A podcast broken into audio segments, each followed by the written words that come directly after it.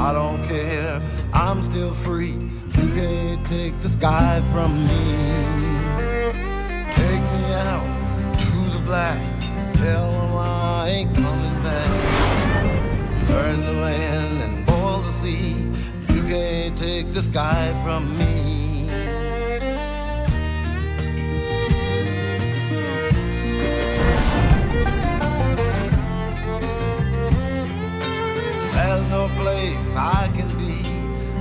I found serenity.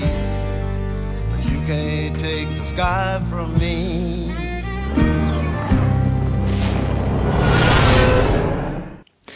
Så välkommen till tredje avsnittet. Är vi uppe i det? Ja, Av, Fire. Firefly-podden. får man säga Firefly? Nej, det blir folk förvirrade då. Vadå? Om man säger välkommen till Firefly-podden. Ja, men det låter härligt. Idag ska vi prata om eh, Bushwack och jag heter Johan och du heter Enke. Ja, hallå allihopa. Ehm, vet du vad Bushwack betyder eller? Eh, nej. Jag var tvungen att googla det. Ja. Det är tydligen när man antingen får förlängning när man är ute i krig eller får åka tillbaks in i kriget när man kommit hem. Jaha, okej. Och jag tänker, är det för att det känns som att få en gren i ansiktet? Eller vad? varför, Ja. varför det. kallar man det för bushwack? Ja, precis. När man springer genom ett buskage. Och Ja, och någon Bara- framför bara är, inte bryr sig om att det flyger grenar i ansiktet sprätter till rakt i ansiktet. Ja, men det... Jag har faktiskt inte tänkt. Jag har, jag har trott att det har... Alltså jag har bara diffust uppfattat ordet som att det är som någon form av överfall. Ja, Att, Ja, det, att, att det kanske hade någon sån här gammal konnotation. Att det kommer från gamla pirattider eller något alltså sånt det där. här som jag... Min referens, min källa är ju Urban Dictionary, Ja. så det behöver inte vara, behöver inte vara stämma Nej, men den, överhuvudtaget. den brukar väl vara... Den, den, om det är en sajt eller om det är flera vet jag inte. Men det, alltid när man söker på sånt och man kommer upp här Urban Dictionary så brukar det vara precis det man söker. Så att oavsett då så kanske det är återanvänt ett gammalt uttryck kan det vara. Eller hur? Mm. Mm. Men, det, men det passar väl in i någon mening att de gör ju referenser tillbaks till eh, det här kriget som Malcolm Ja, det. eh, kom ifrån. Och att, eh, delvis, men det andra är ju också då att den här överlevande på det här skeppet som de träffar på och räddar. Att han liksom åt, måste återvända till vad Reavers har gjort hela tiden. Så han inte kan komma, Mm. komma sig fri från det Ja. helvetet liksom. Jag tolkar det som att de först eh, träffade på den här äh, fällan Ja. och sen när de klarade sig från den så fick de in i hettan igen genom att eh, träffa på eh, Harkon, vad heter, Ja. vad heter det? Alliance. Co- Co- Commander Harken. Alliance-skeppet där. Eh, Harken som vi känner igen så väl från eh, brädspelet. Ja, vi har ju, alltså, man har ju stenkoll på alla bad, eh, big bads Ja. i och med vårat brädspelssessioner. Ja, det, det är lite härligt det där att... ehm, för jag var lite osäker på om det var han den lite mer rundhyltiga eh, kaptenen på ett Alliance-skepp som vi såg i förra veckans avsnitt i, i The Train Job. Mm. Men liksom, för det kändes inte riktigt rätt. Eh, och sen när vi såg Bushwack nu då, inför idag. Och eh, det var där det var Harken var. Mm. Eh, som för övrigt då spelas av skådisen Doug, Doug Savant. Känd från Desperate Housewives. Ja, där var han med i många år. Och eh, också känd från Melrose Place faktiskt. För de som var igång med tv-serier på 90-talet. Ja. Jag hörde i en podd att han var med i Castle också. Ja, det, det, men det var nog säkert bara ett eller max Ja. två avsnitt som en sån gästartist. Va? Men tydligen så är typ alla från Firefly har varit med i Castle. Ja, många i alla fall. Ja, precis. Och, nej, men så han eh, har ju en viktig roll här då. Och, ehm, eh, men det är extra kul att eh, ja, men nu känner jag igen det. Där har vi Commander Harken. Och, den, den så. och den, det andra som är så himla tydligt som alltid som man har mycket att göra med i brädspelet är ju det här med salvage op och illegal salvage op och Ja. cargo och kontraband och, och Ja, sånt. och man ska gömma i sin stash, eh, Ja, just det. cargo och In i sånt. stash och ut i stash. Ja. Nej men eh, vad kan man säga om det här avsnittet som eh, ska vi försöka sätta avsnittet i skallen på lyssnarna så de vet vilket vi pratar om. Eh, ja, de stöter på eh, ett, ett eh, spökskepp mm, och dockar in till det och eh, ska försöka hitta, ifall de har något gods, eller officiellt hitta överlevande, men inofficiellt hitta loot. ja. Men det har blivit rig riggat av Reavers, så att de får hacka sig loss därifrån och sen hamnar de i händerna hos eh, The Alliance istället. Och där får de liksom ett förhör som... Ja, de ligger lite risigt till där och ska förlora skeppet eh, Serenity och allting. Men så blir det ju när Mal räddar Commander Harken i slutet där så låter han dem gå då. Det verkar ju rimligt att ge dem en gentjänst tillbaks. Mm, Mm. inte allt för snälla, men ganska snälla. Ja. Vad heter det? Jag har alltid tyckt att den här, det här avsnittet eh, sticker ut lite som en egen, eh, han har lite en egen känsla i det här avsnittet eh, jämfört med alla andra i serien. Mm. Och eh, jag tycker man kan, jag tycker vibben är väldigt, väldigt mycket lik en viss känd eh, science fiction filmserie. Speciellt första delen i den Ja. serien. Första delen i det här avsnittet ja. Eller första, del, ja, första delen i det här avsnittet och första delen i den filmserien, Ja, tycker jag. vilken filmserie tror du jag tänkte på då? Alien. Äh, Alien. Alien. Ja. Var du med då när vi gick på så här eh, filmvisning på eh, Bio Rio var det väl va? De skulle visa Alien och Aliens. Eh, jag känner igen det här. Eh, det var någon fredagkväll och de visade båda. Jag tror att du kanske har berättat det, men att Ja. jag inte var med. Ja, för det var det ju någon eh, sån här maskinist där som skulle köra filmen. Jag vet vem han är. Ja. Jag har råkat ut för honom också. Och då, då kom han in och skulle presentera Alien och Aliens och då körde han någon, någon stand-up där mitt i allt. Mm. Och skulle vara lite lustig. Ja, han är ganska lustig den killen. Och då var det så, Älgen, nu ska vi se på älgen.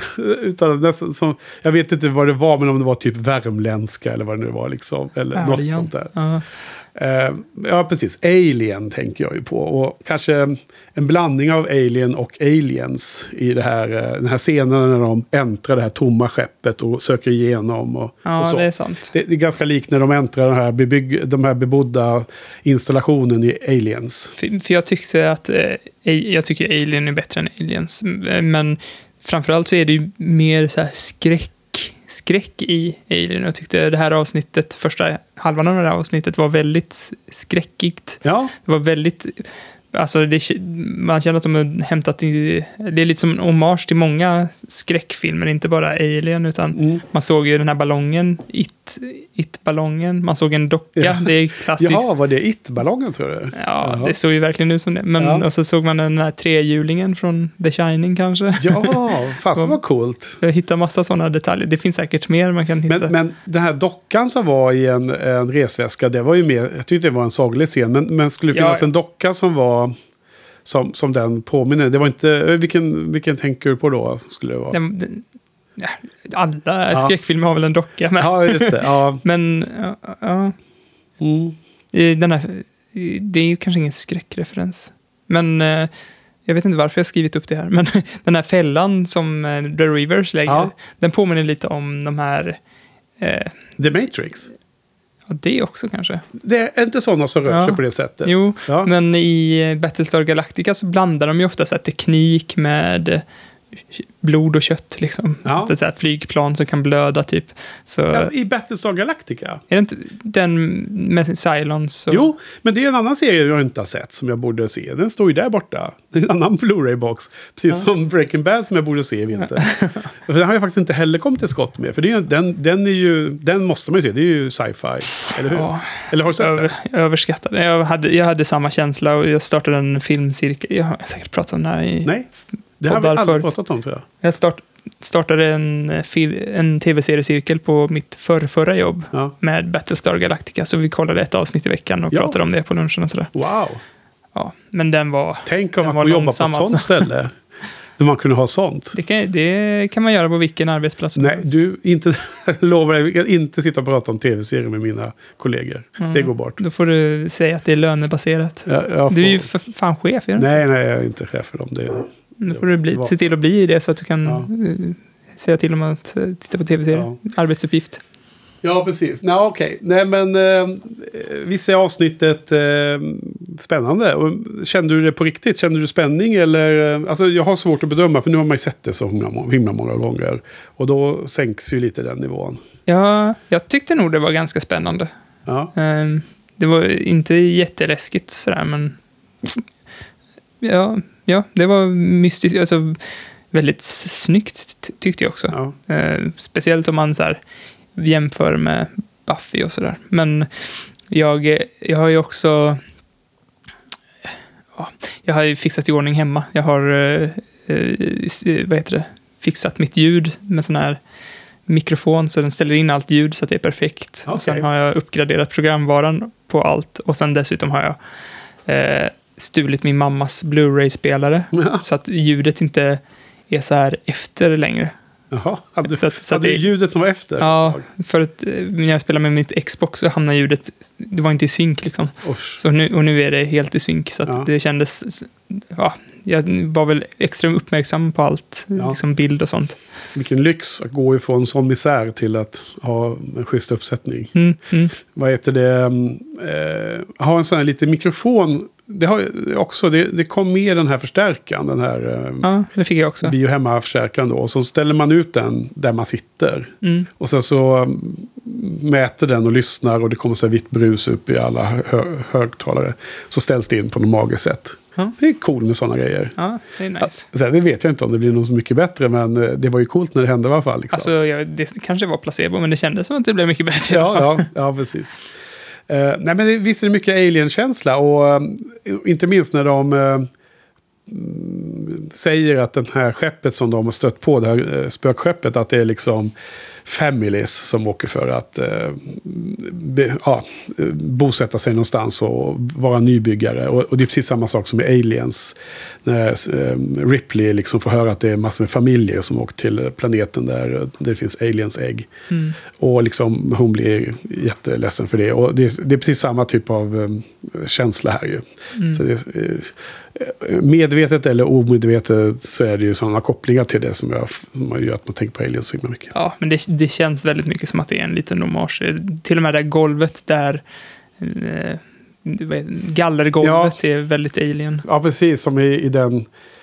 Eh, ja, men det, allt, allt det där återspeglas ja. Ja. Färgerna, det blåa, metalliska ljuset och sådär. Ja, Ja. Men, och det här, när de kommer in i det här rummet och, och han Mal säger att de, de lyckades inte fly och så panorerar de upp i taket och man får Ja. se de här liken hänga där. Ja, Det tyckte jag fan var lite äckligt alltså. ja. Eh, Det är lite det- nasty och eh, River tycker inte heller att det var jätteroligt. Nej, Hon hör ju deras... Hon är, hon är psykisk, eller vad, vad det heter, psychic. Hon kan tänka andras tankar och uppenbarligen höra deras dödsskrin i, eh, lite så här förskjutet då. I efterhand. ja, precis. Ja. Men är man, eh, är man lite trött på att hon hela tiden vaknar upp med ett skrik? ja, Eller är det bara för att man har sett eh, avsnitt, alltså jag har ju sett avsnitten två, tre gånger. ja, Så att man, och hon har liksom inte fått så mycket, man, det är ju mycket, det har ju varit tre stycken pilotavsnitt som vi har sagt tusen gånger också. Ja. Men så att man har ju inte fått någon karaktärsutveckling på henne riktigt än. Men så det har ju menar bara du, varit, vänta först, stopp och belägg. Men du att Serenity-avsnittet är två avsnitt nu helt plötsligt? ja. Nej men det är väl bara ett avsnitt ändå, måste vi vara överens om. Det här är väl tredje ändå? Ja, men Det första är dubbelt så långt go bara. with the flow. Jag Ja, försöker överdriva lite här Ja, för... ja, okej, okej, okej, för-. Men, men det säger inte Joss också att han brukar ha fem eller sex eh, pilotavsnitt? Så att oavsett om man... Alltså de, väldigt många avsnitt Mm. i början så ska man etablera karaktärerna väldigt mycket. Ja, för det var ju väldigt mycket sånt i det här ja, avsnittet. ja, Alltså sist, sista delen med förhören var ju bara att så här, ja. man ska få veta hur, vilka karaktärerna är liksom. Som för övrigt är liksom eh, avsnittets bästa scener, eller sekvens, tycker jag då, då. Med alla de karaktärsbärande vittnesmål de gör. Liksom. Hur de är och vad de säger säger så mycket om karaktärerna. Eller tyckte du att det var kul? Eller? För det ändrar ju Ja. tonalitet till att bli mer humoristiskt förstås. Ja. Var det? ja, men jag tyckte det var rätt bra. Mm. Jag håller med om. Men, eh, men tillbaka till, River då. För det är egentligen, jag skulle nästan säga att det är som tre delar. Dels har vi den spänningsdelen. Dels har vi den här karaktärsdrivna och väldigt humoristiskt orienterade förhören. Och sen har vi den här tredje lilla skvätten. Och det är liksom att de etablerar ganska mycket i det här avsnittet visar det sig. Det hade jag helt glömt av. Liksom att River har de här eh, psychic eh, vad heter det, abilities. Att hon, eh, hon märker när saker händer precis före de händer etc. Mm. Eh, och det är ju jättemånga gånger det här då. Ehm, Och det liksom, eh, finns ju eh, kopplingar framåt i andra avsnitt och mycket längre senare i historien. Liksom, som, som jag inte riktigt kommer ihåg att de jobbade så tydligt med redan här i avsnitt Mm. tre. Då.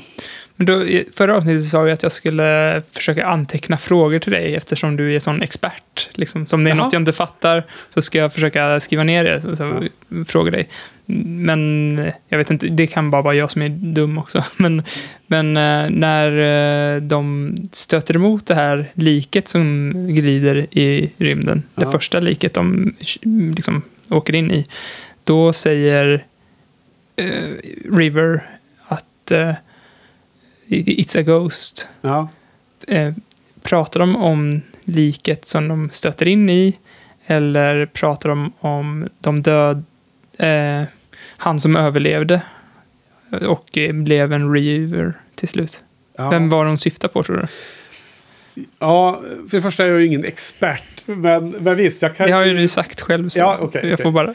Nej, jag. Off, off air så säger jag det hela tiden. eller? Men, men sen så försöker jag vara så här eh, falsk ödmjukhet i, i poddningen.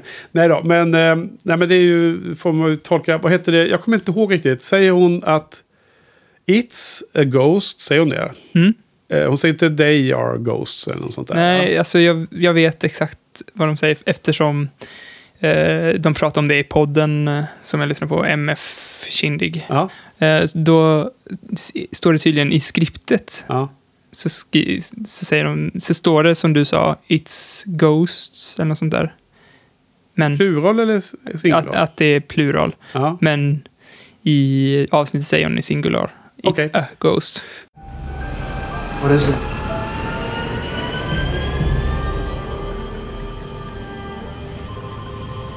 It's a ghost. Där- Därför att jag ehm, eh, hade liksom...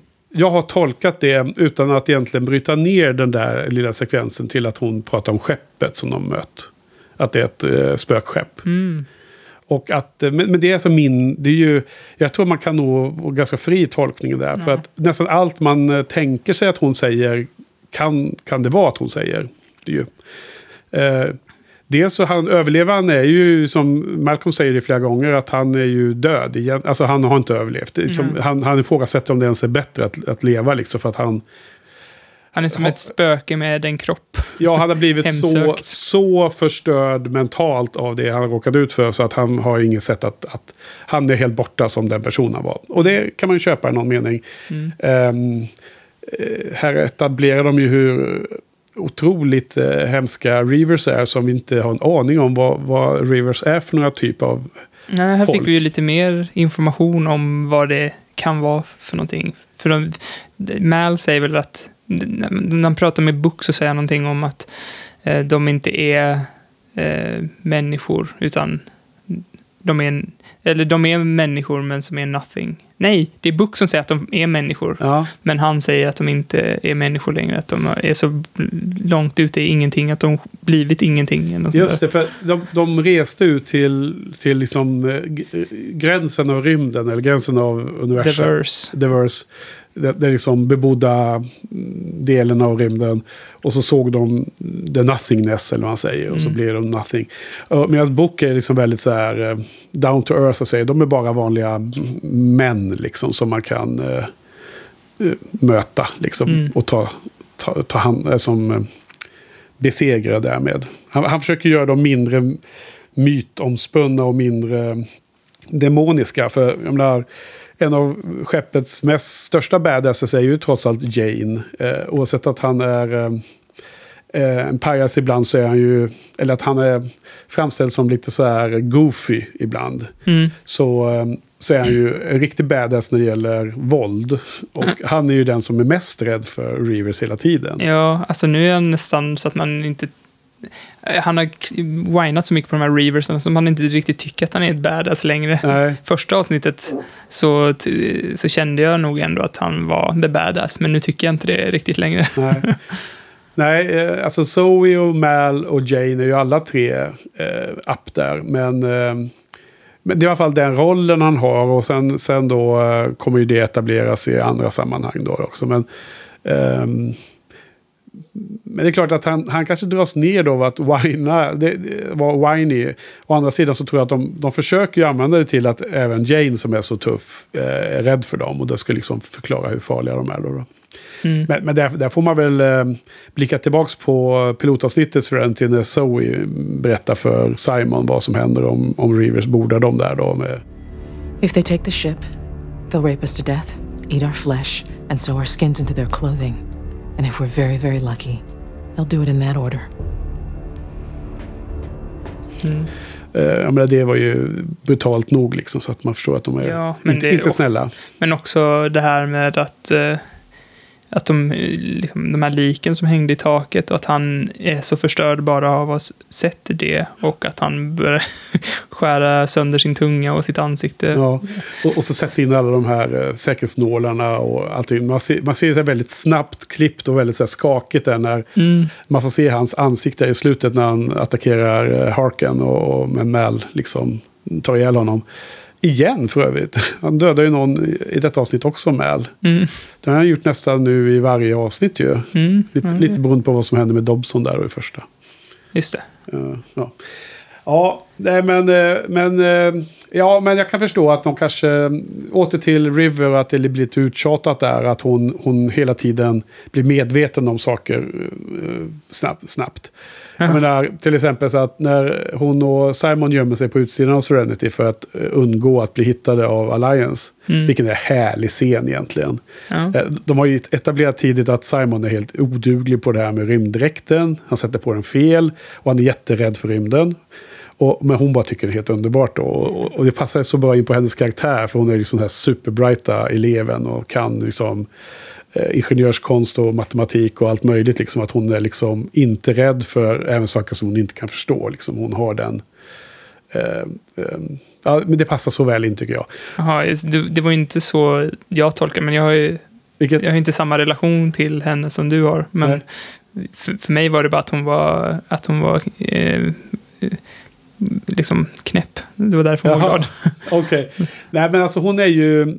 Jag, jag, jag ser henne som super, super bright på... Eh, ex, hon, är som en... Vad är, han beskriver henne i första avsnittet i sin långa fina monolog om sin syster. Att, att hon är liksom en...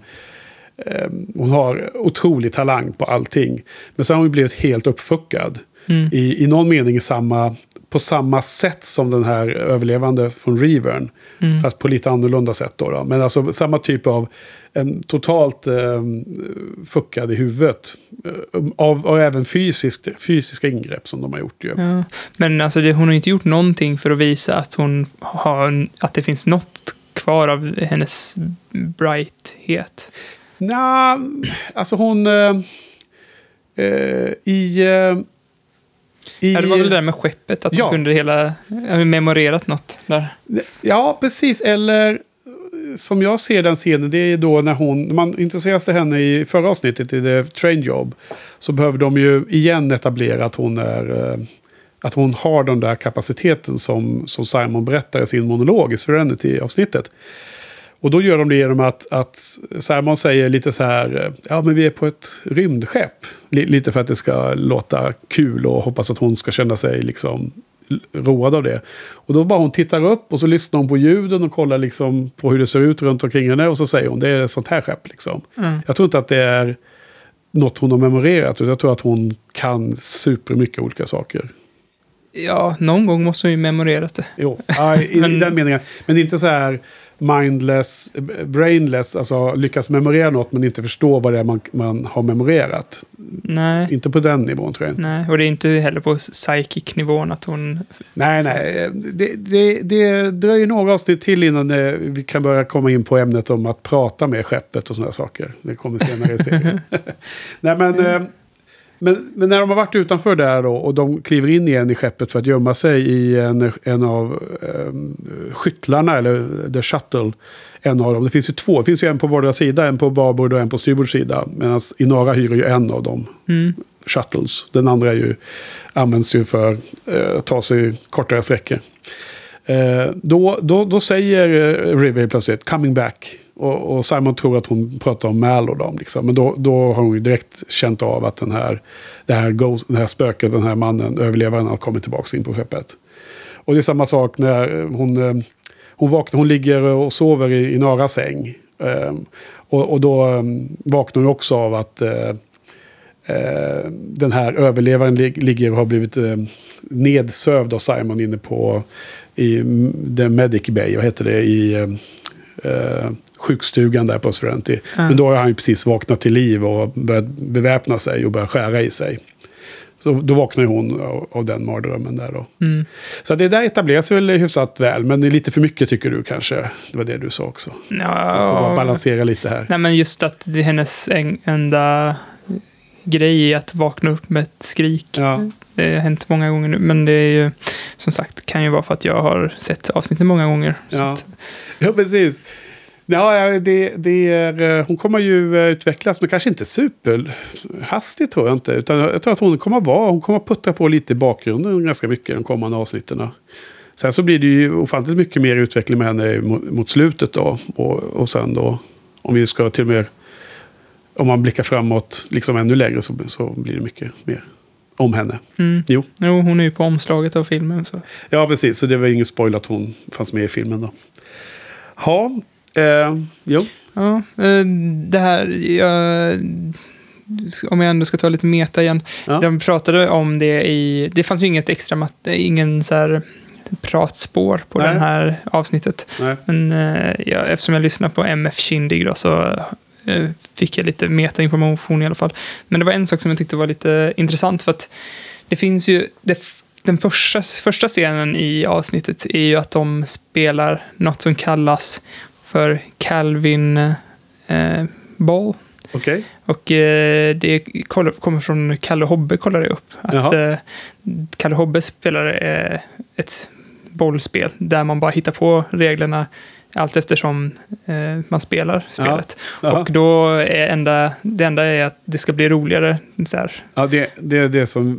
Man får ändra så länge det blir roligare. Ja, exakt. Ja. Så det är det som Tim Minear kallar eh, det som de håller på med där. Ja. Och eh, jag, tyckte, jag tyckte det var intressant för att när jag såg den här scenen så var jag lite, tyckte jag den var lite eh, lökig, alltså, eh, lite ostig. Ja. alltså att, att osten i bar Joss och inte tvärtom den här gången. Eh, och eh, det kändes som Men vad innebär det? Är det negativt eller? att den är ostig på ett dåligt sätt. Okej, ja. Men, och för Joss brukar vara ganska bra på att ha de här vardagssituationerna eller att, att de har ett större mål på något sätt och så har de fått in där banter-grejen i det och Ja. inte, här kändes det som att de, nu ska vi ha in lite banter så har de en banter-scen Ja, där allting bara är härligt och gulligt och fint. Men här, det kändes lite för på näsan. Men tydligen så är det ju Tim Minears som har eh, velat ha den här scenen. Och eh, jag tyckte det var intressant för att han hade, för honom var det, detta en metafor. För man har, eh, speciellt eftersom jag har spelat brädspelet så kändes det väldigt tydligt eh, att man har två extremändar med The Alliance som i en ände ja. eh, som är jättestrukturerat där. st- Stora staten typ. ja. Och så har man i andra änden Reavers som är bara totalt jätteelaka. Och, Kannibaliska och Ja. farliga och hemska. Ja. och sen allt däremellan är bara kaos. Ja.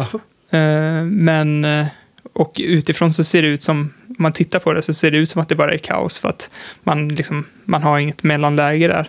Men eh, det finns faktiskt regler. Ja. Om man tittar nä- närmare, om man är med i spelet så finns Ja, det precis. tydliga Det är regler. det Inara och Simon står och pratar om. Och Precis. Simon försöker, försöker förstå hur de spelar och han känner inte igen reglerna Det alls. ser inte ut som något civiliserat eh, Rules. regelverk. Och för nu är han en bra bit ut on the rim liksom, Ja. i border space. Ja. Inte in i the central planets längre. Ja, så, att det, så tydligen det spelet är en metafor för liksom, hur reglerna är in, ute i rim, I, i Firefly-universat. rim space. Vad heter de olika? Alliance, Alliance Space, Rim Reavers, sp- nej, Border Space och sen Rim Space. Som där Reavers härjar. Ja, Ja. så Reavers kan ju kan vara både Rim och eh, Border Space, men, men framförallt så bor de ute i Rim Space. Ja. I, i i, nothingness. ja, ute där i hörnet, i den där kvadranten där uppe. Eh, ja, men, nej, men det, det är ju... ehm, eh, Så, vad, så vad, vad, vad slutade din känsla runt det givet den metainfon då? Tyckte du fortfarande att den scenen var cheesig då eller? Ja, men det tycker jag nog fortfarande. Men, eh, men jag tyckte det, det gav lite mervärde att veta att det fanns en metafor ja, bakom. det och, fanns en tanke där. Liksom. ja, och att det inte var bara för att det skulle vara eh, gulligt. Nej, men det, det är ganska advanced eh, tänkande att komma på den, den eh, metaforen utan att höra Tim Mariner förklara Ja, den. jag hade aldrig plockat det. Nej, det, man- jag har aldrig hört det här heller, så är det helt nyheter för mig. Även, även om det makes, makes sense liksom, nu när du beskriver det. Ja, för jag kände inte att det makeade sense när jag sa det. Men det kändes som jag det makeade sense när jag hörde på MF. Jo, nej, men jag förstod nog vad andemeningen var. Jag tyckte att det, var, det kändes rimligt. Jag menar, jag är kanske för blödig och mushig här inuti, men jag, jag tycker att jag har, bara, allt, jag har bara, bara trott att det är precis det som du börjar med att beskriva att det var. Att det var en sån scen för att etablera den här eh, icke-biologiska familjen och deras relationer internt. Att de är ett tajt gäng och att de... För, man ser ju ibland att Jane är elak mot Kaylee och man ser att de har olika konflikter. Jag menar, senare avsnitt är det ganska tydligt, jag menar, eh, hur Zoe är lite så här kort och dismissive mot eh, Wash när Wash hör att det är skottlossning på spökskeppet och han undrar vad fan händer. Vad och hon bara, Not- not not, now." eh, not now dear. Liksom så här väldigt så här, eh, liksom, vi tar hand om det här, vi eh, vuxna liksom. Det tyckte jag var ganska eh, nice scenen då. För att, det, ja, nu har inte du sett eh, eh, puh, Breaking Bad, men i, den har ju fått jättemycket kri- kritik för att frun där är, är väldigt dåligt skriven. Ja. Och det har varit så här mycket fram och tillbaka. Även Bland annat David Chen har ju hävdat motsatsen, att hon är bra skriven. Mhm. Men jag tycker inte hon hon är värdelöst skriven. Just för att hon faller i någon slags stereotyp där frun alltid ska vara hemma och gnälla på sin man som är ute på äventyr. Liksom. Ja. Och här är det precis tvärtom. Ja. Att, att det, det är han som är hemma och, orolig och så Ja. är det frun som är ute och battlar. Så det var precis. lite så här frigörande på något sätt att det var så. Och, eh, och så tyckte jag också det var skönt att Wash inte var bara den stereotypen, utan han är ju Han är duktig på det han gör också. Ja, och han är härlig och rolig och inte bara en gnällspik, utan han är, han är härlig och rolig och orolig, orolig för Ja, sin precis. fru. Du menar härlig och rolig och det är han ju mm, sannoliken. Men sen är han ju dessutom eh, superduktig på pilotandet liksom. Ja, så det är ja, ytterligare också. en aspekt att egentligen eh, har de ett, eh, en balans men ibland så framgår det ju framkommer ju olika sidor av den balansen som Ja. kan förefalla vara en obalans. Man önskar ju att Walter Whites fru också kunde vara rolig och ha, ha, liksom ett eget liv, Ja. förutom att vara en gnälla på sin eh, man Ja, hela tiden. förstår. För att det är klart att jag skulle också gnällt på min man om han var ute och gjorde knarkaffärer, men jag hoppas att jag hade haft den annan sidan av Ja, mig också. Liksom. Ja, precis. Ja, nej, så att, så att inledningsscenen ser jag mer som etablerar den, den eh, feelingen i gruppen. Och att de håller på att spela någonting som kanske kan vara likt basket. Och sen kan det vara väldigt likt eh, quidditch. Mm, ja, det tänkte jag Den, också på. eh, obligatoriska Harry Potter-referensen. Ja. Och, och så. Och, ehm, jag tycker bara det är skön stämning. Men eh, så, så eh, jag tänker inte på scenen som, som en uh, cheese. Men å andra sidan så har jag insett att jag ser på hela den här eh, 14 avsnitt långa tv-serien plus en två timmar lång film som följer upp. Som egentligen en enda stor uh, megafilm. Mm. Det är liksom hur jag ser på allt det här egentligen.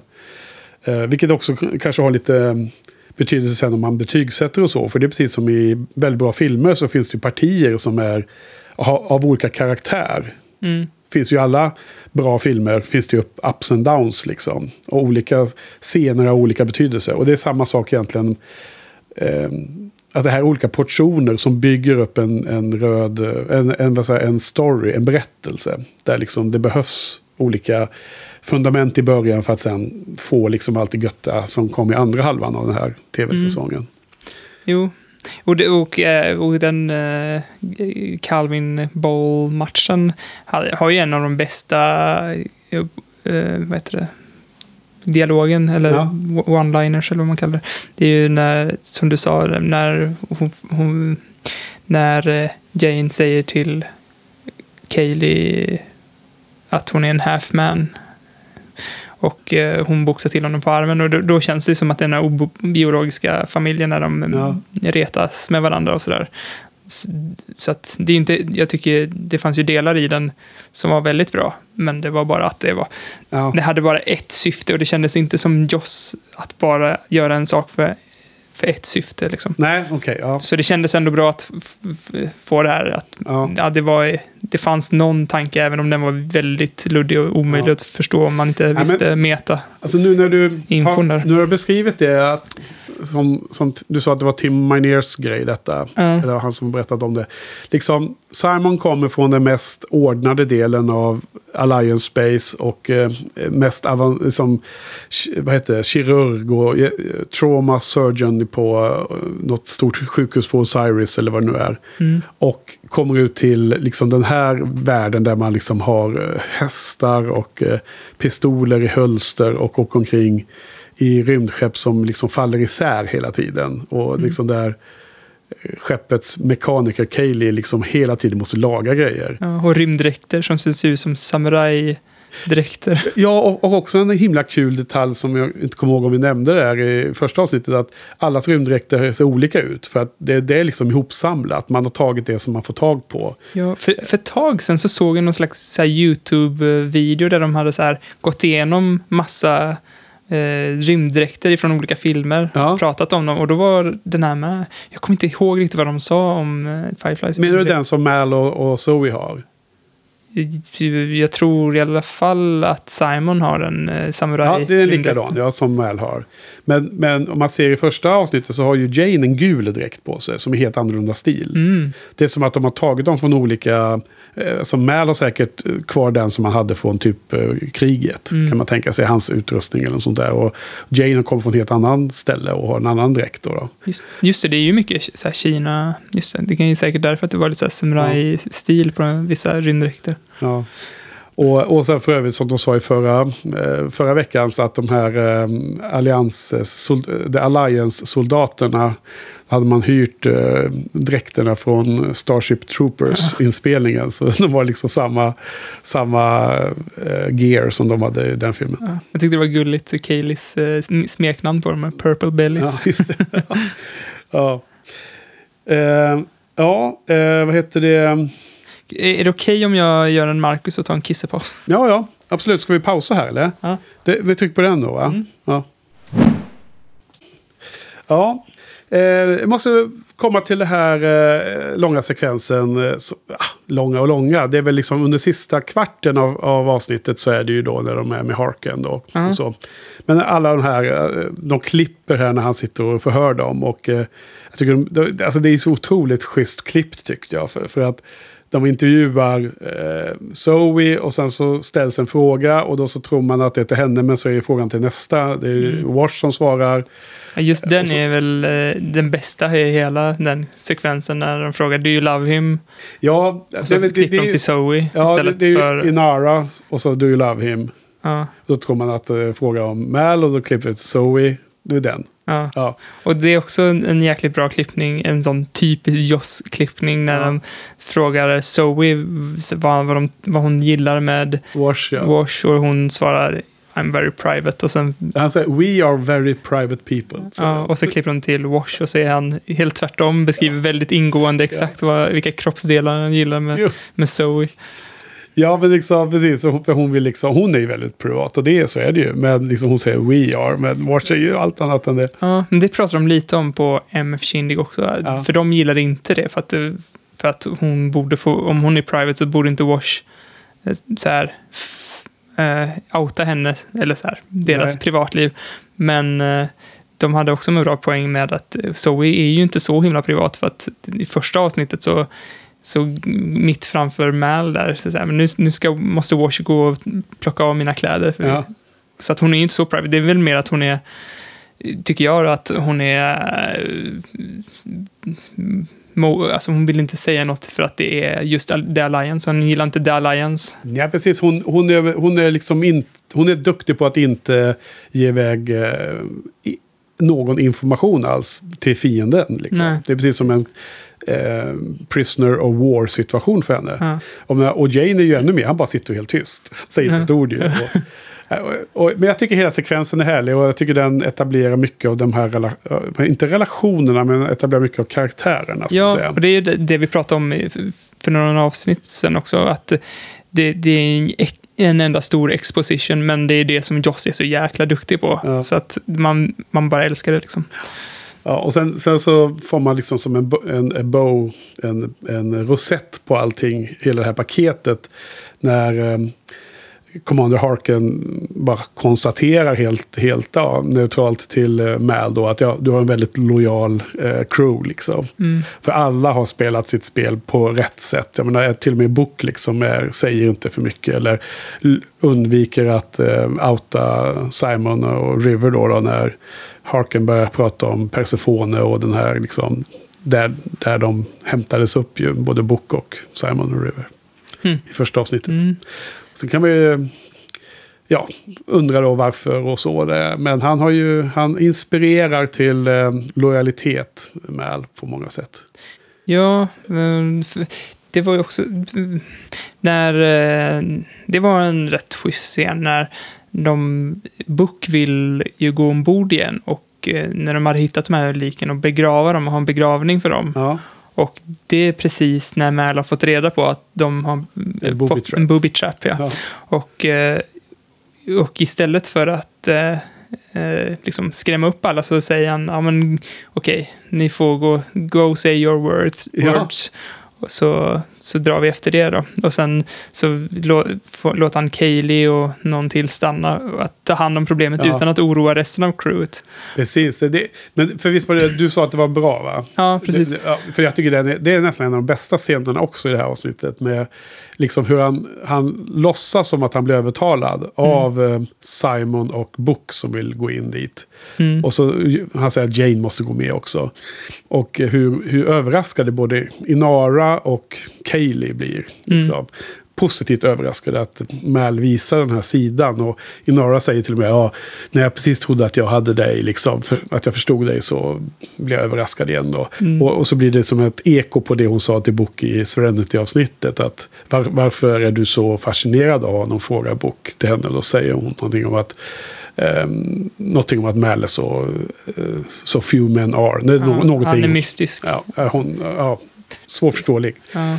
Men, men det, det är ju så, så bra gjort av, den, av honom tycker jag. Just, och sen så får man se att det är de här, det är ju core-teamet verkligen. Det är ju Mal, Zoe, Kaylee och Wash som är de som är kvar. Mm. Det är ju liksom, det är ju core-gänget. Ja. Eh, och sen är ju Jane nästa level liksom. Eh, och sen har de ju, det, då är de ju fem. Och sen har de ju fyra gäster varav Inara är liksom lite mer eh, bestående. De andra tre är ju betalande pass- passagerare. Ja, och det, det är också nice att liksom all, alla i det här universat, deras liksom default mode är ganska egoistiskt. Att man, så här, vi går om, vi bordar den här för att se om det finns eh, loot för oss. Ja. Och så här, att man hela tiden utgår från att benefitta sig själv. För det finns ju ingen, annan det finns ingen anledning att inte göra det.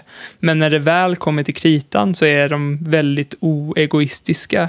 Och för Mal gör ju det här för deras skull, att inte oroa crewet i onödan när de redan har massa saker att tänka på. Ja. Så låter han dem ta hand om sitt, medan bara de som behöver veta, behöver veta där med booby-trappen. Ja. Det- Och det Kaylee säger är ju ganska både roligt och att man förstår eh, var, varför Mal har gjort som han har gjort.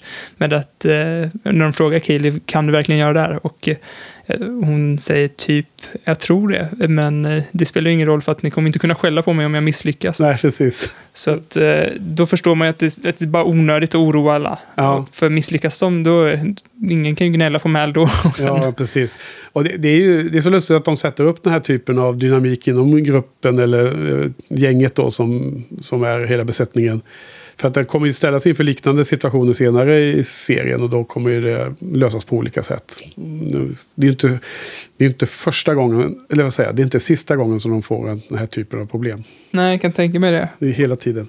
Ja, ehm, I MF Kindig så tyckte de att eh, han, han eh, gjorde det för bo, alltså att han det var för, det, de skulle kunna ha en begravning också. Att han gjorde det för bådas skull, både för att de inte oroar dem Ja, och det för tror att... jag inte för en sekund.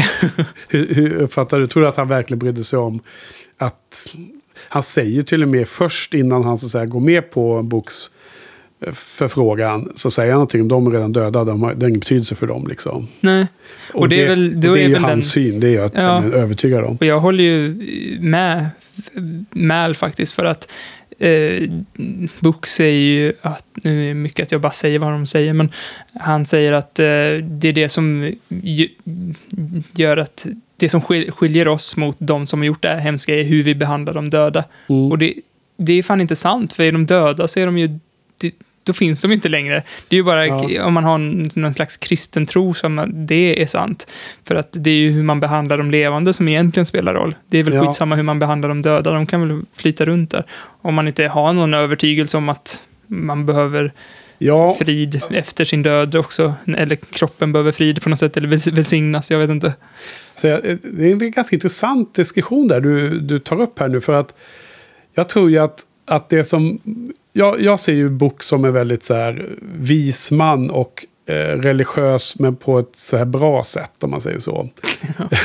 eh, för han är ju inte någon så här eh, bokstavstroende fanatiker utan han är ju också, precis som Mal är, så är ju Book väldigt pragmatisk. Men han har liksom... Eh, han har ett annat perspektiv än Mal. Och det är det de spelar på väldigt ofta mellan dessa två karaktärer. Ända, ända in i långfilmen så är ju det här en stor del som ingår. Och jag tycker att det Book antagligen också tänker på det är att när han säger att eh, det som skiljer oss från Reavers är hur vi behandlar dem i döden, inte bara att de är döda. Tror du inte att han också tänker på de som lever då? Genom att göra det rätta som han då tycker med de eh, olyckligt dödade, mördade personerna så gör han ju också någonting för gruppen som sådan. Liksom. Och det tror jag liksom är det perspektivet som han kan bidra i den här eh, ekvationen. Som, som Mal liksom bara ser extremt eh, så här praktiskt på. Ja. Eller vad tror du? Ja, det känns ju konstigt att eh, du sitter och försvarar den religiösa och jag sitter och försvarar den pragmatiska. Ja, du menar att det kändes som ombytta roller Ja. plötsligt, eller? Ja. precis. Men för om man ska vara... Ja, det, jag håller med dig också, men det är ju... Det är ju då, ja, för han tar ju hand om... Ja, han, han tar ju hand om... Men alltså för, för de döda skull har det ingen betydelse. Så Nej. är det ju. Nej. Eh, Så länge man inte tror på själavandring eller liksom så. Och Nu för övrigt på tal om det så... eh, De, han som spelar Book, alltså vad heter han, Ron Glass, han, han var väl buddhist tror jag i verkligheten. Han var en väldigt, eh, väldigt så här eh, eh, religiös person tror jag. Alltså inte religiös men en väldigt eh, Spirituell. spirituell person. Eh, Exakt ordet jag sökte. Ja.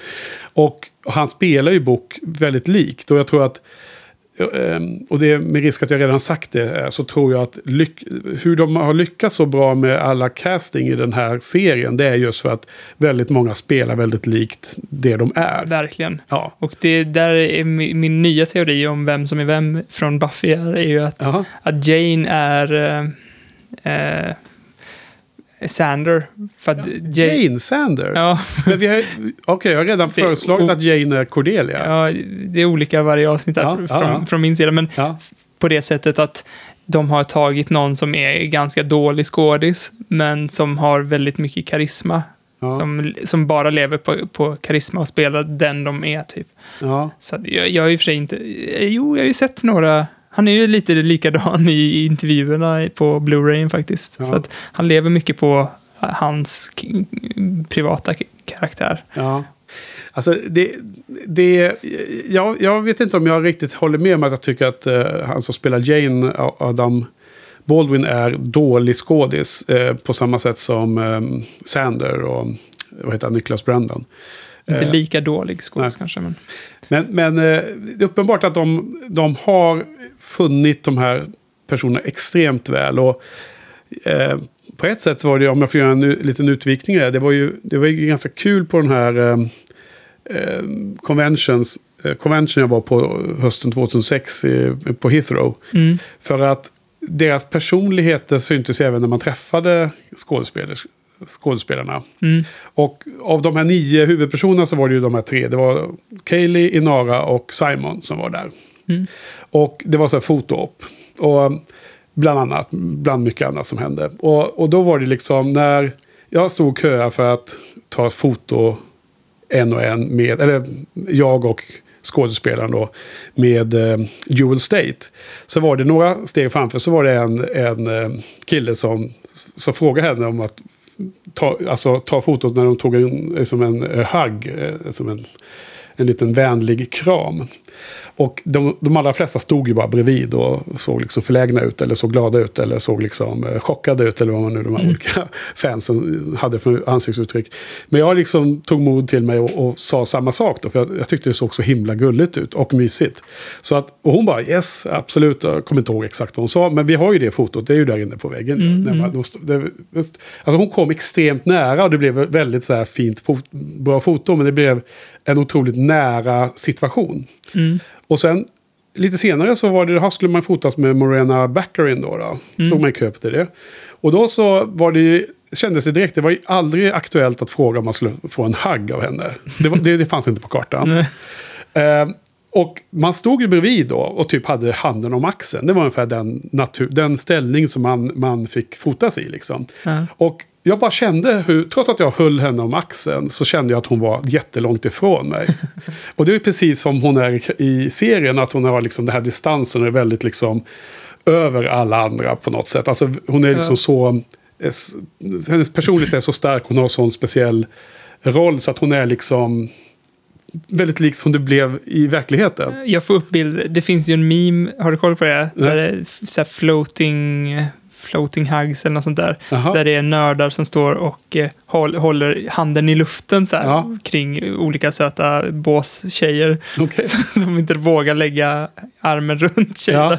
Det, det, jag, tror, antar att hon Baccarin har många sådana foton också. Där, Ja, därför att, därför att även hon som spelar eh, Saffron i senare, senare avsnitt, alltså Christina Hendricks, eh, känd från uh, Mad Men och andra serier nu då.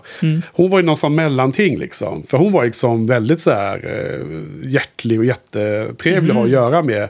Men, och det var ingen sån här nära hugg, men hon var ju, hon liksom engagerade mycket mer än eh, Morena Baccarin. Okej. Och, och sen var det då Sean Maher som spelar Simon.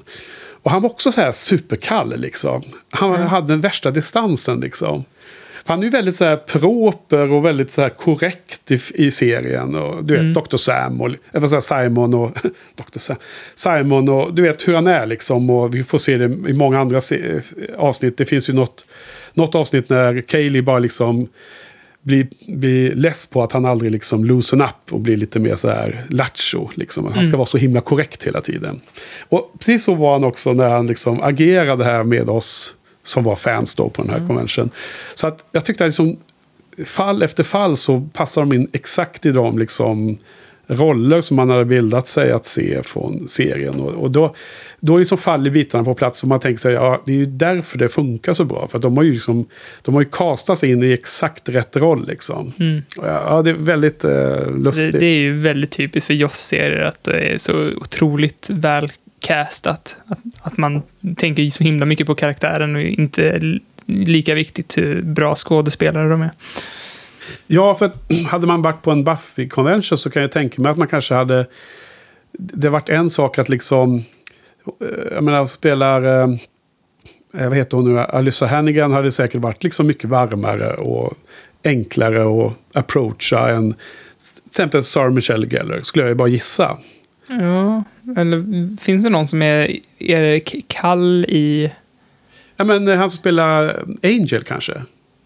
Jag skulle Ja, hålla lite mer. Vad Ja. heter han? Eh, David eh, Boreanaz eller vad han heter. ja Boreana. Bo- Ja, det är svårt att uttala. Men jag, jag bara gissar. Liksom. Mm. Jag vet inte. Ja, men verkligen, det tror jag också. Ja, nej, men så, så det var en liten avstickare om det. Och, hur kom vi in på det? Med, eh, jo, men en bok och, och Mm. synen på de döda där. Och, jag tror att han, var- han var ju då tyvärr inte med på den convention så jag träffade aldrig honom. Och nu har ju dessutom eh, tyvärr gått ur tiden.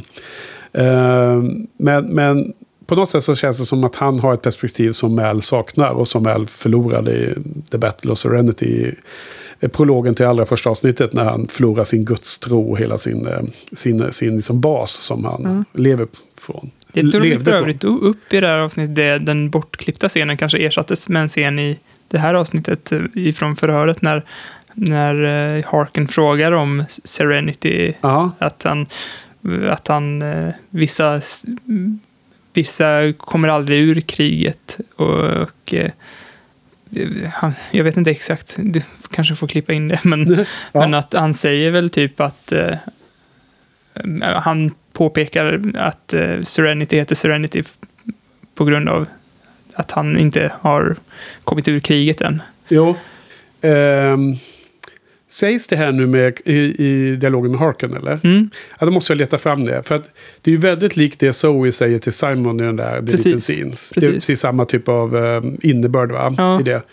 Ehm, så det kanske är därför de har tagit bort den scenen och ersatt med den här scenen. kan jag ja, tänka du mig. menar så. Ja, ja, precis. Nu, då får man fram den, den, den saken här. För här make, det, det make större sens här eftersom de pratar om att han överlevande från Rivers-attacken kan inte heller lämna den situationen. Nej. Precis som Mal inte kan lämna Serenity då. Nej. Man gör en liten eh, parallell där då. Ja, och han, han antyder ju att, att det är han som har torterat den här överlevaren Ja. genom att splitta tungan eftersom han inte har lämnat kriget än och Ja. döpt sitt skepp till Serenity. Och så här hemsk tortyr har jag inte sett sen ja, kriget, säger han ju. Ja. Harken, vilket är eh, lite grim. Vad heter det? Eh, vad tänkte jag mer på att... Eh, nej, nu tappade jag det. Vad sa vi precis innan? Det vet jag inte. Ska jag spinna vidare på något annat eller? Ja. Eh, de, den här fången som de har tagit, där har ju eh, Mal en teori om varför eh, han blir som han blir. Att the only way Ja, to deal with it Ja, is. Ja. is to bec- become it. Eh, och det känns som en väldigt avancerad teori, att han bara kan liksom få den teorin, kommer till honom på något sätt och sen verkar den stämma också. Men, eh, var, var det din tolkning eller hade du hört någon mer eh, analys om nej, det? det var bara min tolkning. Jo, men eh, personligen tycker jag inte att den är så svår. Jag, jag tänker så här att, att Mal och Zoe har varit omkring, åkt omkring mm, jättemycket runt omkring i de här yttre regionerna och de är liksom erfarna på alla sätt och vis. Och de har hört jättemycket om eh, Reavers och de vet mycket mer om det. Och jag tror att det kan vara, ingå i en sån kunskap som man bara vet att det är en Ja, fast det lät ju mer som att han kom på det i stunden, den teorin. Ja, men, ja, men sen inte någon kommentar om att eh, jag borde ha förstått det. När, när han hör... Eh, jag tror det är precis i början av, av förhöret så säger de att ja, den här fången har... eh, Du, han har ju blivit tortyr, vad heter det, splittat eh, tungan. Och, och då, då ser man att Mel liksom eh, reagerar sig. Jag borde ha fattat det där direkt, tänker han. Ja, men det är ju sådär. någonting han har fattat redan när han liksom när de tog in honom, honom i sjukstugan Ja. och så säger de bara dope him. Ja. Så här, för han är redan eh, lost liksom. Men, och det, det tror jag bygger helt på att han, han, har, han är street smart och han vet, han har hört hur snacket går, han vet mer om det här än vad många andra på skeppet vet om Reavers. Ja, men det känns som... Och senare när han splittar tungan så är det som att hans teori blir att om man, om man har sett det här hemska så, kom, så är enda sättet att deala med det är att bli en Reaver själv. Och att det känns som en väldigt så här elaborate teori att få i stunden. Ja. Kanske. ehm, ja, ehm, och det kanske inte alls är att han har hört om det från andra utan det är någonting han tänker ut i stunden. Och kan det vara så att han har sett liknande paralleller i kriget med folk Så som har ehm, vara. gått helt bananas på grund av saker man upplevt där. Och han, han gör den parallellen där. Ja, så kan det ju faktiskt vara med tanke på att Harken har ju den teorin om honom att han har blivit så skadad av tortyren i kriget att han har börjat tortera också. Mm. Så att det, det, så kan det nog vara. Nej, alltså vad jag, vad jag tänkte säga, eh, som inte exakt eh, berör det här, men som berör Malcolms relation till kriget i varje fall. Mm. Som jag glömde alldeles nyss. Det är att man ser i flera avsnitt att han, han backar. Han är, han är inte det här... Han är inte så här absurt ståndaktig att hela tiden säga att hans sida hade rätt och så. Utan han, till exempel i början av The Train Job när den här eh, störiga Lund kommer och kräver att han ska skåla för eh, Alliance, för det är liksom årsdagen. Då är liksom, de första rundorna så säger alltid Mal, ja men kan du inte bara bry dig om ditt så bryr jag mig om mitt och så slipper vi liksom bråka om det här. Och han liksom, samma sak med Harken så säger han, kriget är slut, jag, jag är inte sergeant längre. Liksom. Det, han, det, det är inte att han hela tiden ska göra en poäng av att, eh, att eh, eh, driva vidare sitt case från, från kriget. Men, men han backar, men sen så backar han bara till en viss eh, punkt och sen så backar han inte längre. Det, det tycker jag etableras om och om igen. Liksom. Att han, liksom, han tar de här första stegen bak, men sen så finns det alltid en linje. Och nu då avslutas ju den här dialogen med att eh, Harker säger ja, konstigt att du ändå tycker så här om typ Serenity när du var på fel sida i, i, i det slaget. Seems odd you name your ship after a battle you're on the wrong side of. May have been the losing side. Still not convinced it was the wrong one. Sen, det är som ja, karaktärssättande liten...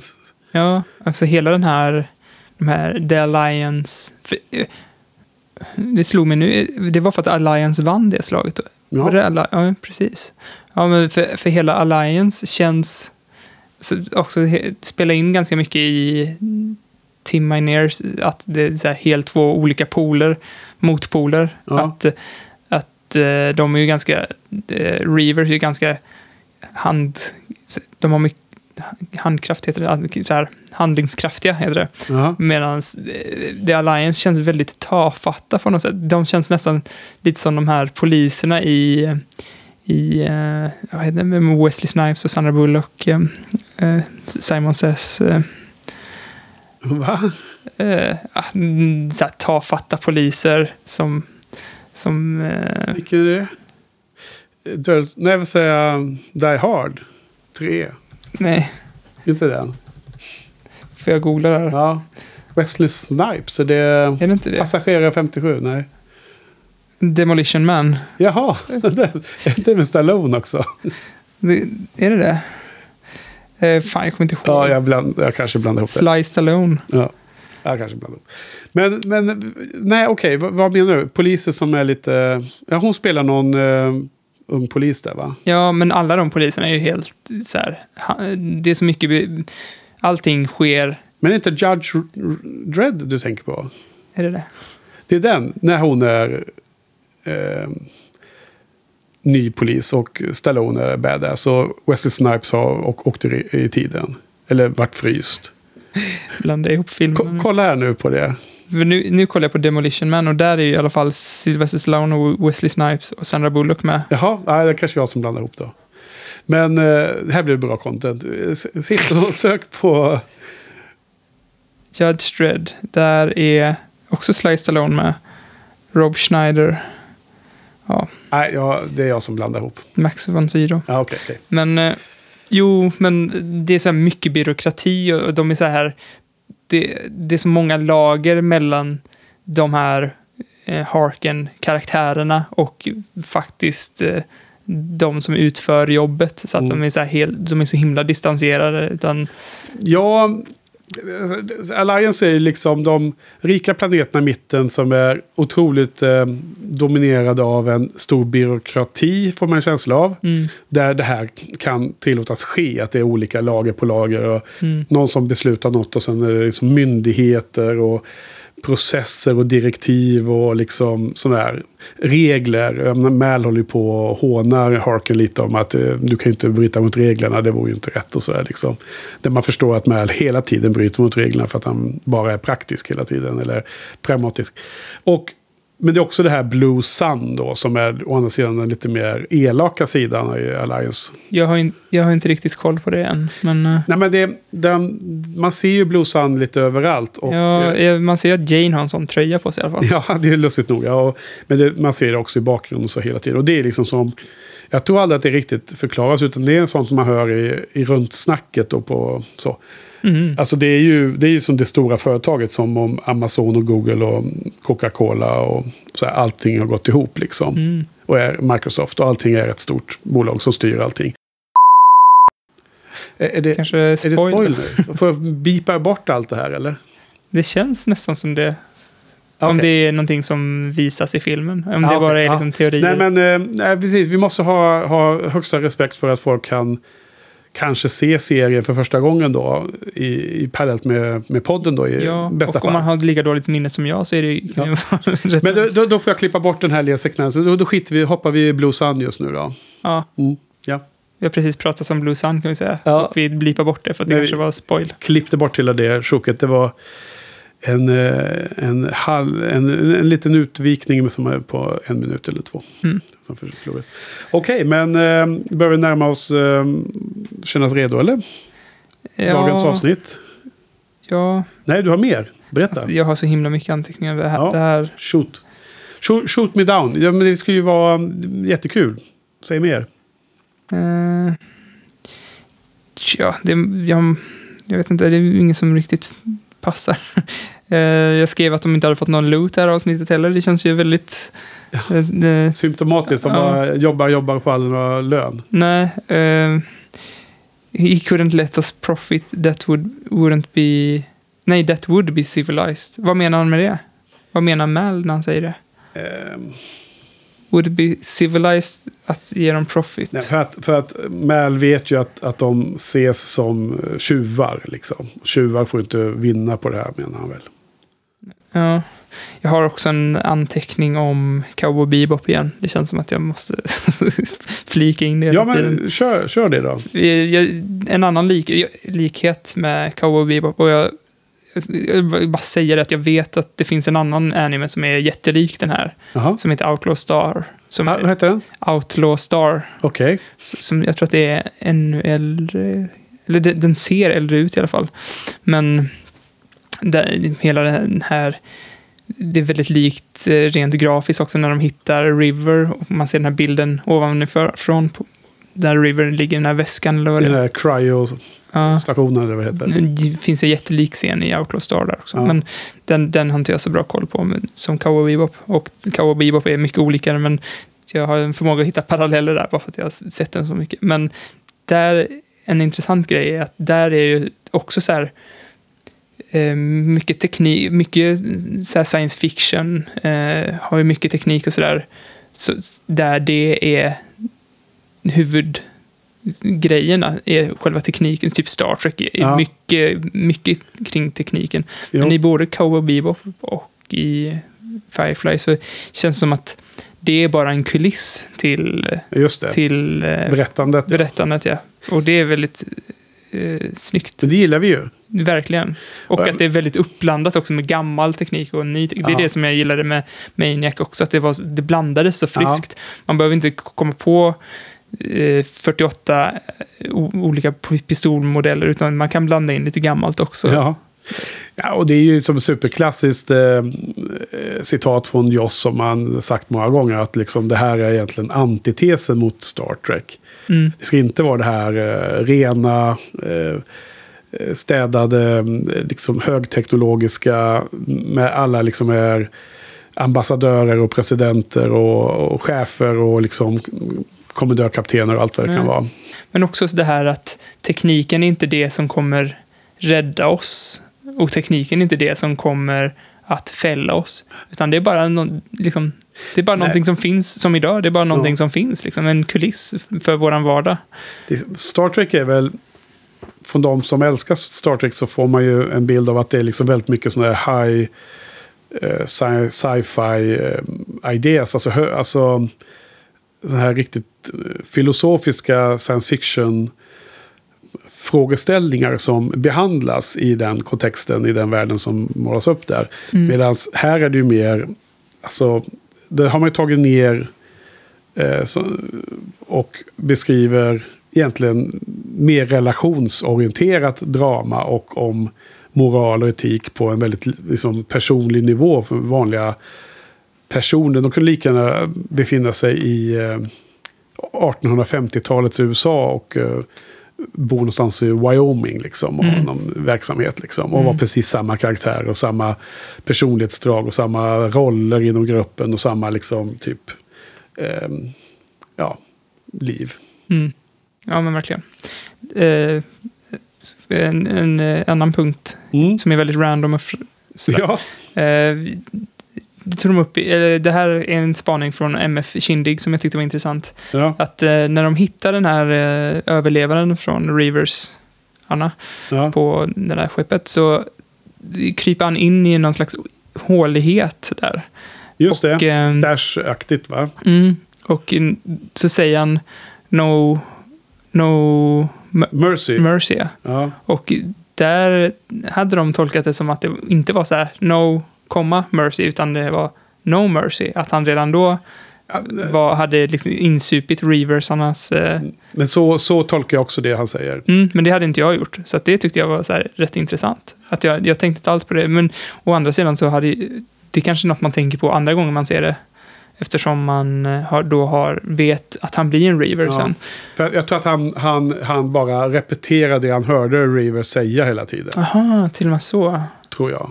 Inte, bara att, han, jag inte att han höll på att bli, ja men det kanske spelar in i varandra i och för sig, att han höll på att bli en reaver Ja. och eh, repetera det han, liksom, en rehearsal där. Jag, jag kommer inte ihåg exakt hur Marle uttrycker sig, men han, han lurar honom liksom att vara...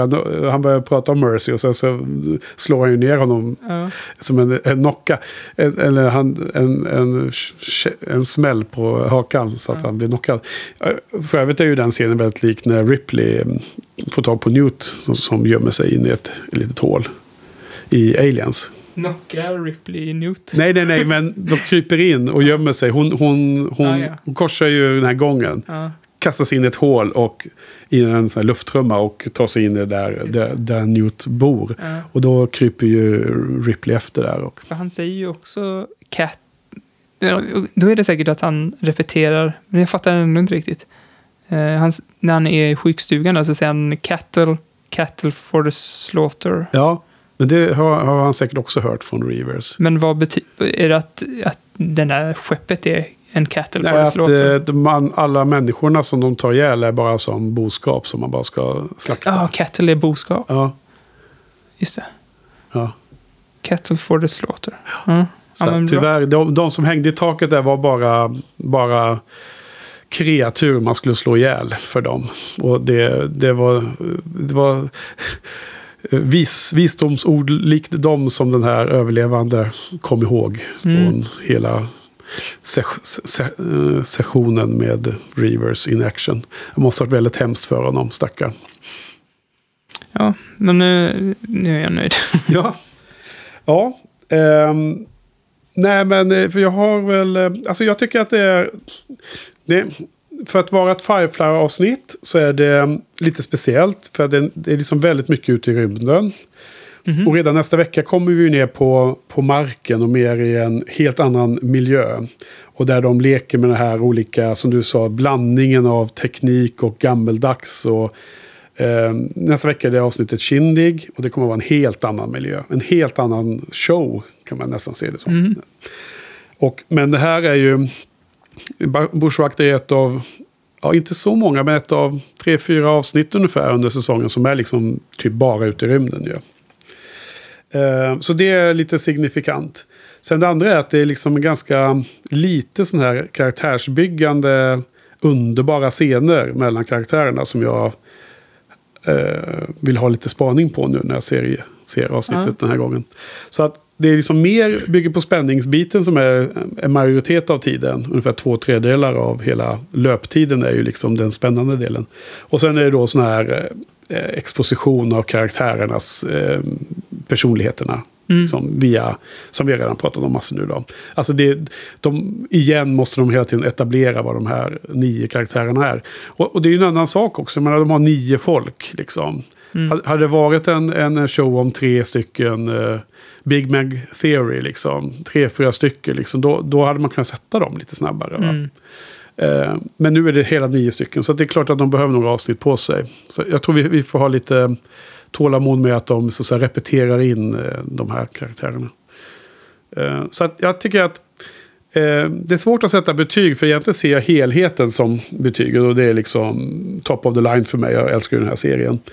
Men, men om man måste partitionera ut varje avsnitt då så, så, så, så hamnar det här lite på den lägre halvan eftersom det inte är så mycket av de här guldscenerna som vi sen kommer få se när man liksom efter du har etablerat karaktärerna så kan du börja jobba med deras relationer. Och det är då man får de här un underbara eh, scenerna som både kan vara varma scener men kan också vara hårda scener. Alltså där de inte... Alltså det är, det är inte bara gull-gull jag är ute efter. Utan jag, är- jag är ute efter de här bra scenerna som är bra berättande. Joss eh, hantverk. Eh, men han kräver bygga basen först. Innan han kommer till dem känns det som. Så, så givet det då så känner jag att det liksom har lite för få av, den, den, av de topparna som jag vet kommer sen. Så jag sätter väl en tre och en halv på den här ungefär. Skulle jag säga. I någon slags Firefly-skala. alltså, allting är ju superbra om man jämför med Ozark. Säsong ett eller om man eh, jämför med liksom många, många andra serier man ser. Skulle man ta en sån skala då, då, liksom, då blir allting mellan 4,7 och, och 5,2 liksom. Om du förstår. På en femgradig skala. Men nu, nu får det bli liksom lite mer Firefly-skalan. Vi ska inte gå in på någon eh, Nej, diskussion om Ja, skalan kanske. förstod ungefär. Eh, jag, jag, jag, gillar det väldigt mycket att eh, det är lite som community, att man har så här eh, en övning i hur man kan ta en filmgenre och sätta in den i den här världen. Ja, Och det görs väldigt bra. Alltså, Dan Harmon har ju haft... Jag klagade ju i något avsnitt på att eh, antingen så är det jättebra drama eller så är det jättebra action. Och eh, här på Firefly. Eller, nej, överhuvudtaget. Ja, ja. liksom, när folk gör tv eller Ja. eh, film. Och eh, community är väl typ undantaget. För de har ju bröd, Dan Harmon har fått tag i bröderna Russo som gjort ja, de här Captain America. och Winter Soldier och ja, Civil War och så. väldigt bra action Och att ha det i sån här college-drama, eh, eller com- community Ja. college-drama, eh, som är mycket humor. Och kunna utföra de här genreövningarna eh, till, med både bra drama och bra action-regi. Ja, Det är ju så jäkla härligt. Och här är ju en genre som passar väldigt bra. Alltså skräckgenren passar ju... Det, man behöver inte my, lika mycket action-koreografi för att det ska bli lite läskig stämning. Liksom. nej. Så att jag gillade det väldigt mycket. Precis, för du, du tyckte inte action-innehållet var tillräckligt bra för att vara liksom extra krydda förra gången, va? Nej, precis. Det kunde inte stå på sina egna ben Nej, riktigt. nej. Utan, man lutar sig väldigt mycket på att det var bra drama i det, Ja, de avsnitten. Ja. Ja. Ja, men det, jag, jag förstår precis hur du menar och det, det, blir det var ju en bra follow-up på den förra diskussionen vi hade om action. Jag hoppas att det, att eh, det fortsätter med lite sådana genreövningar framöver. Det hade varit intressant. Ja, i nästa avsnitt så blir det ju såna mer såna här 1800-tals action ju.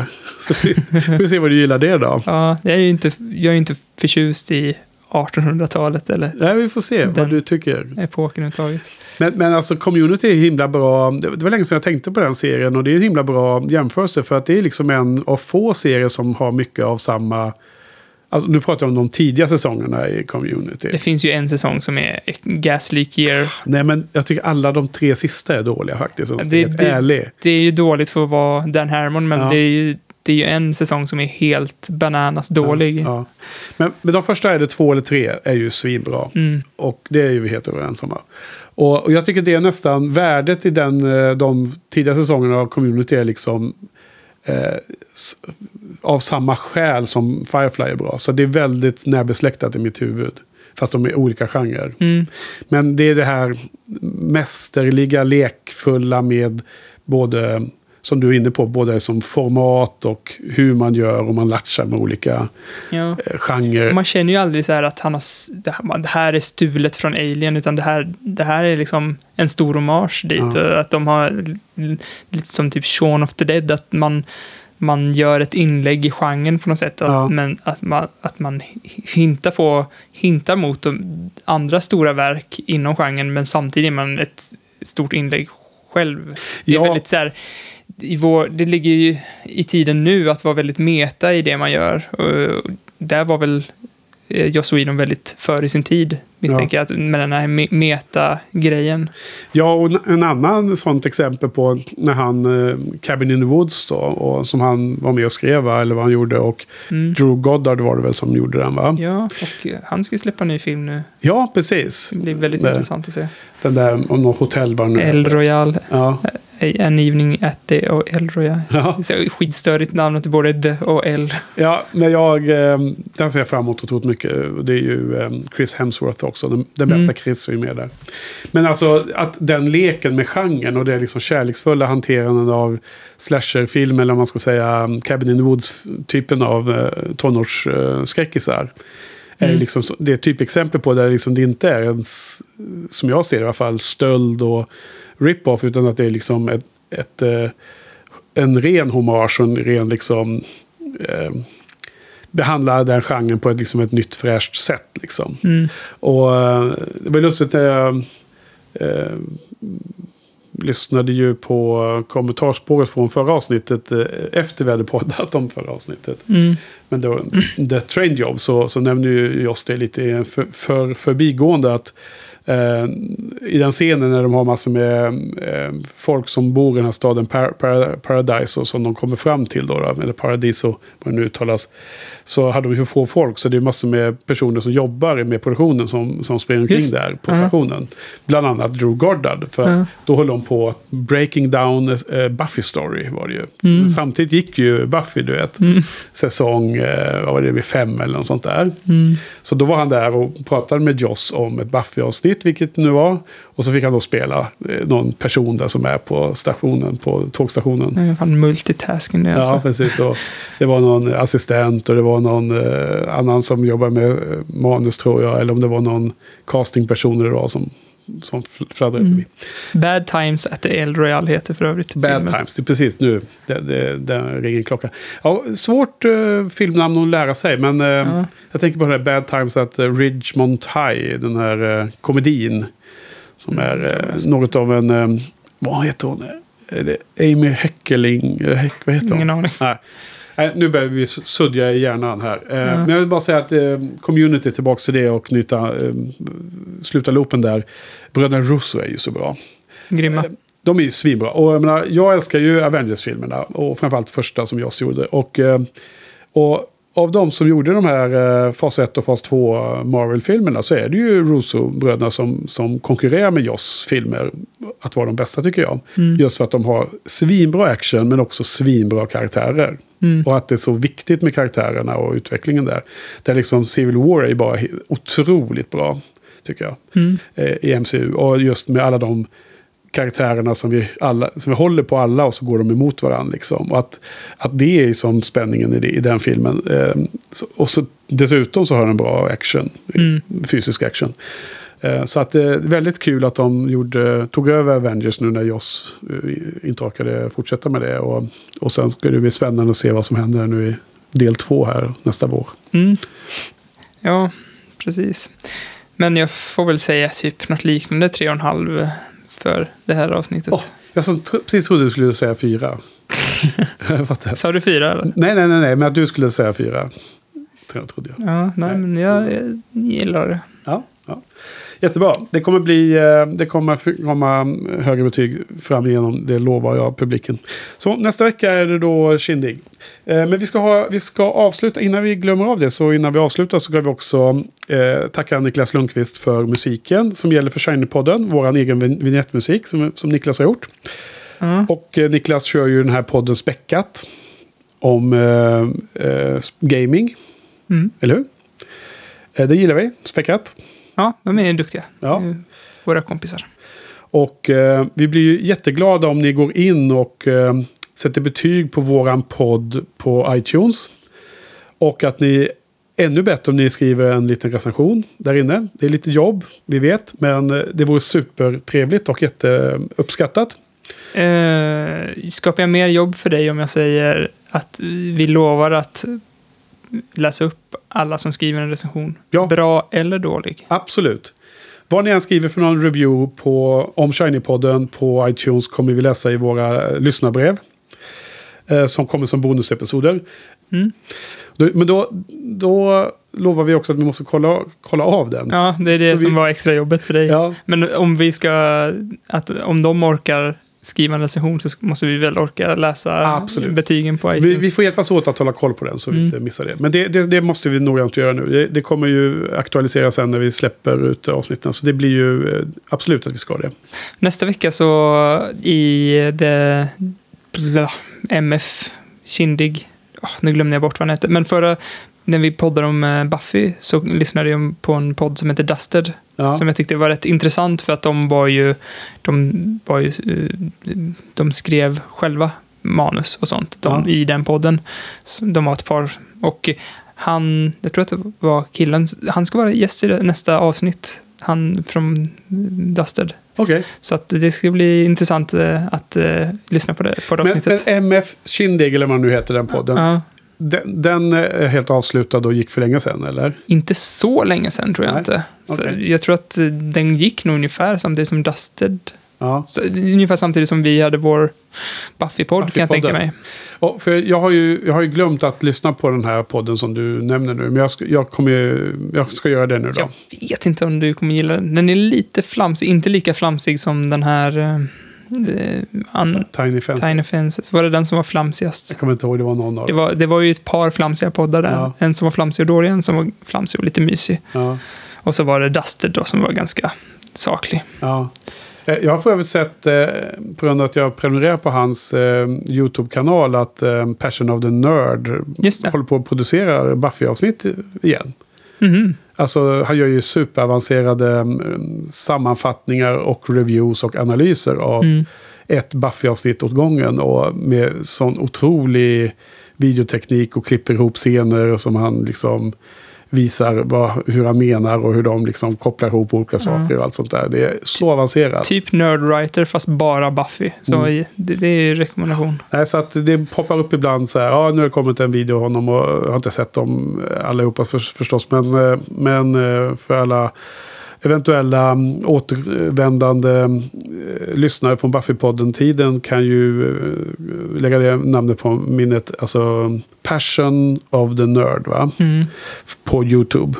Eh, Precis. mycket spännande Buffy-saker som han Mm. håller på med.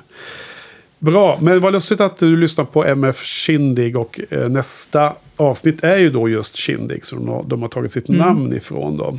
Och det är ju ett engelskt eh, riktigt ord då som jag inte hade koll på alls när jag såg serien första gången nu, och trodde att det var en av de här Joss eh, så här lingo som man hittar på själv. Men, men det har man ju märkt att det finns ju i olika sammanhang. Så det är väl ett äldre ord för fest eller party helt enkelt. Något åt det slaget.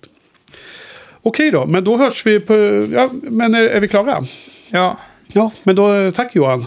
tack Henke. Tack Joss. Tack för oss.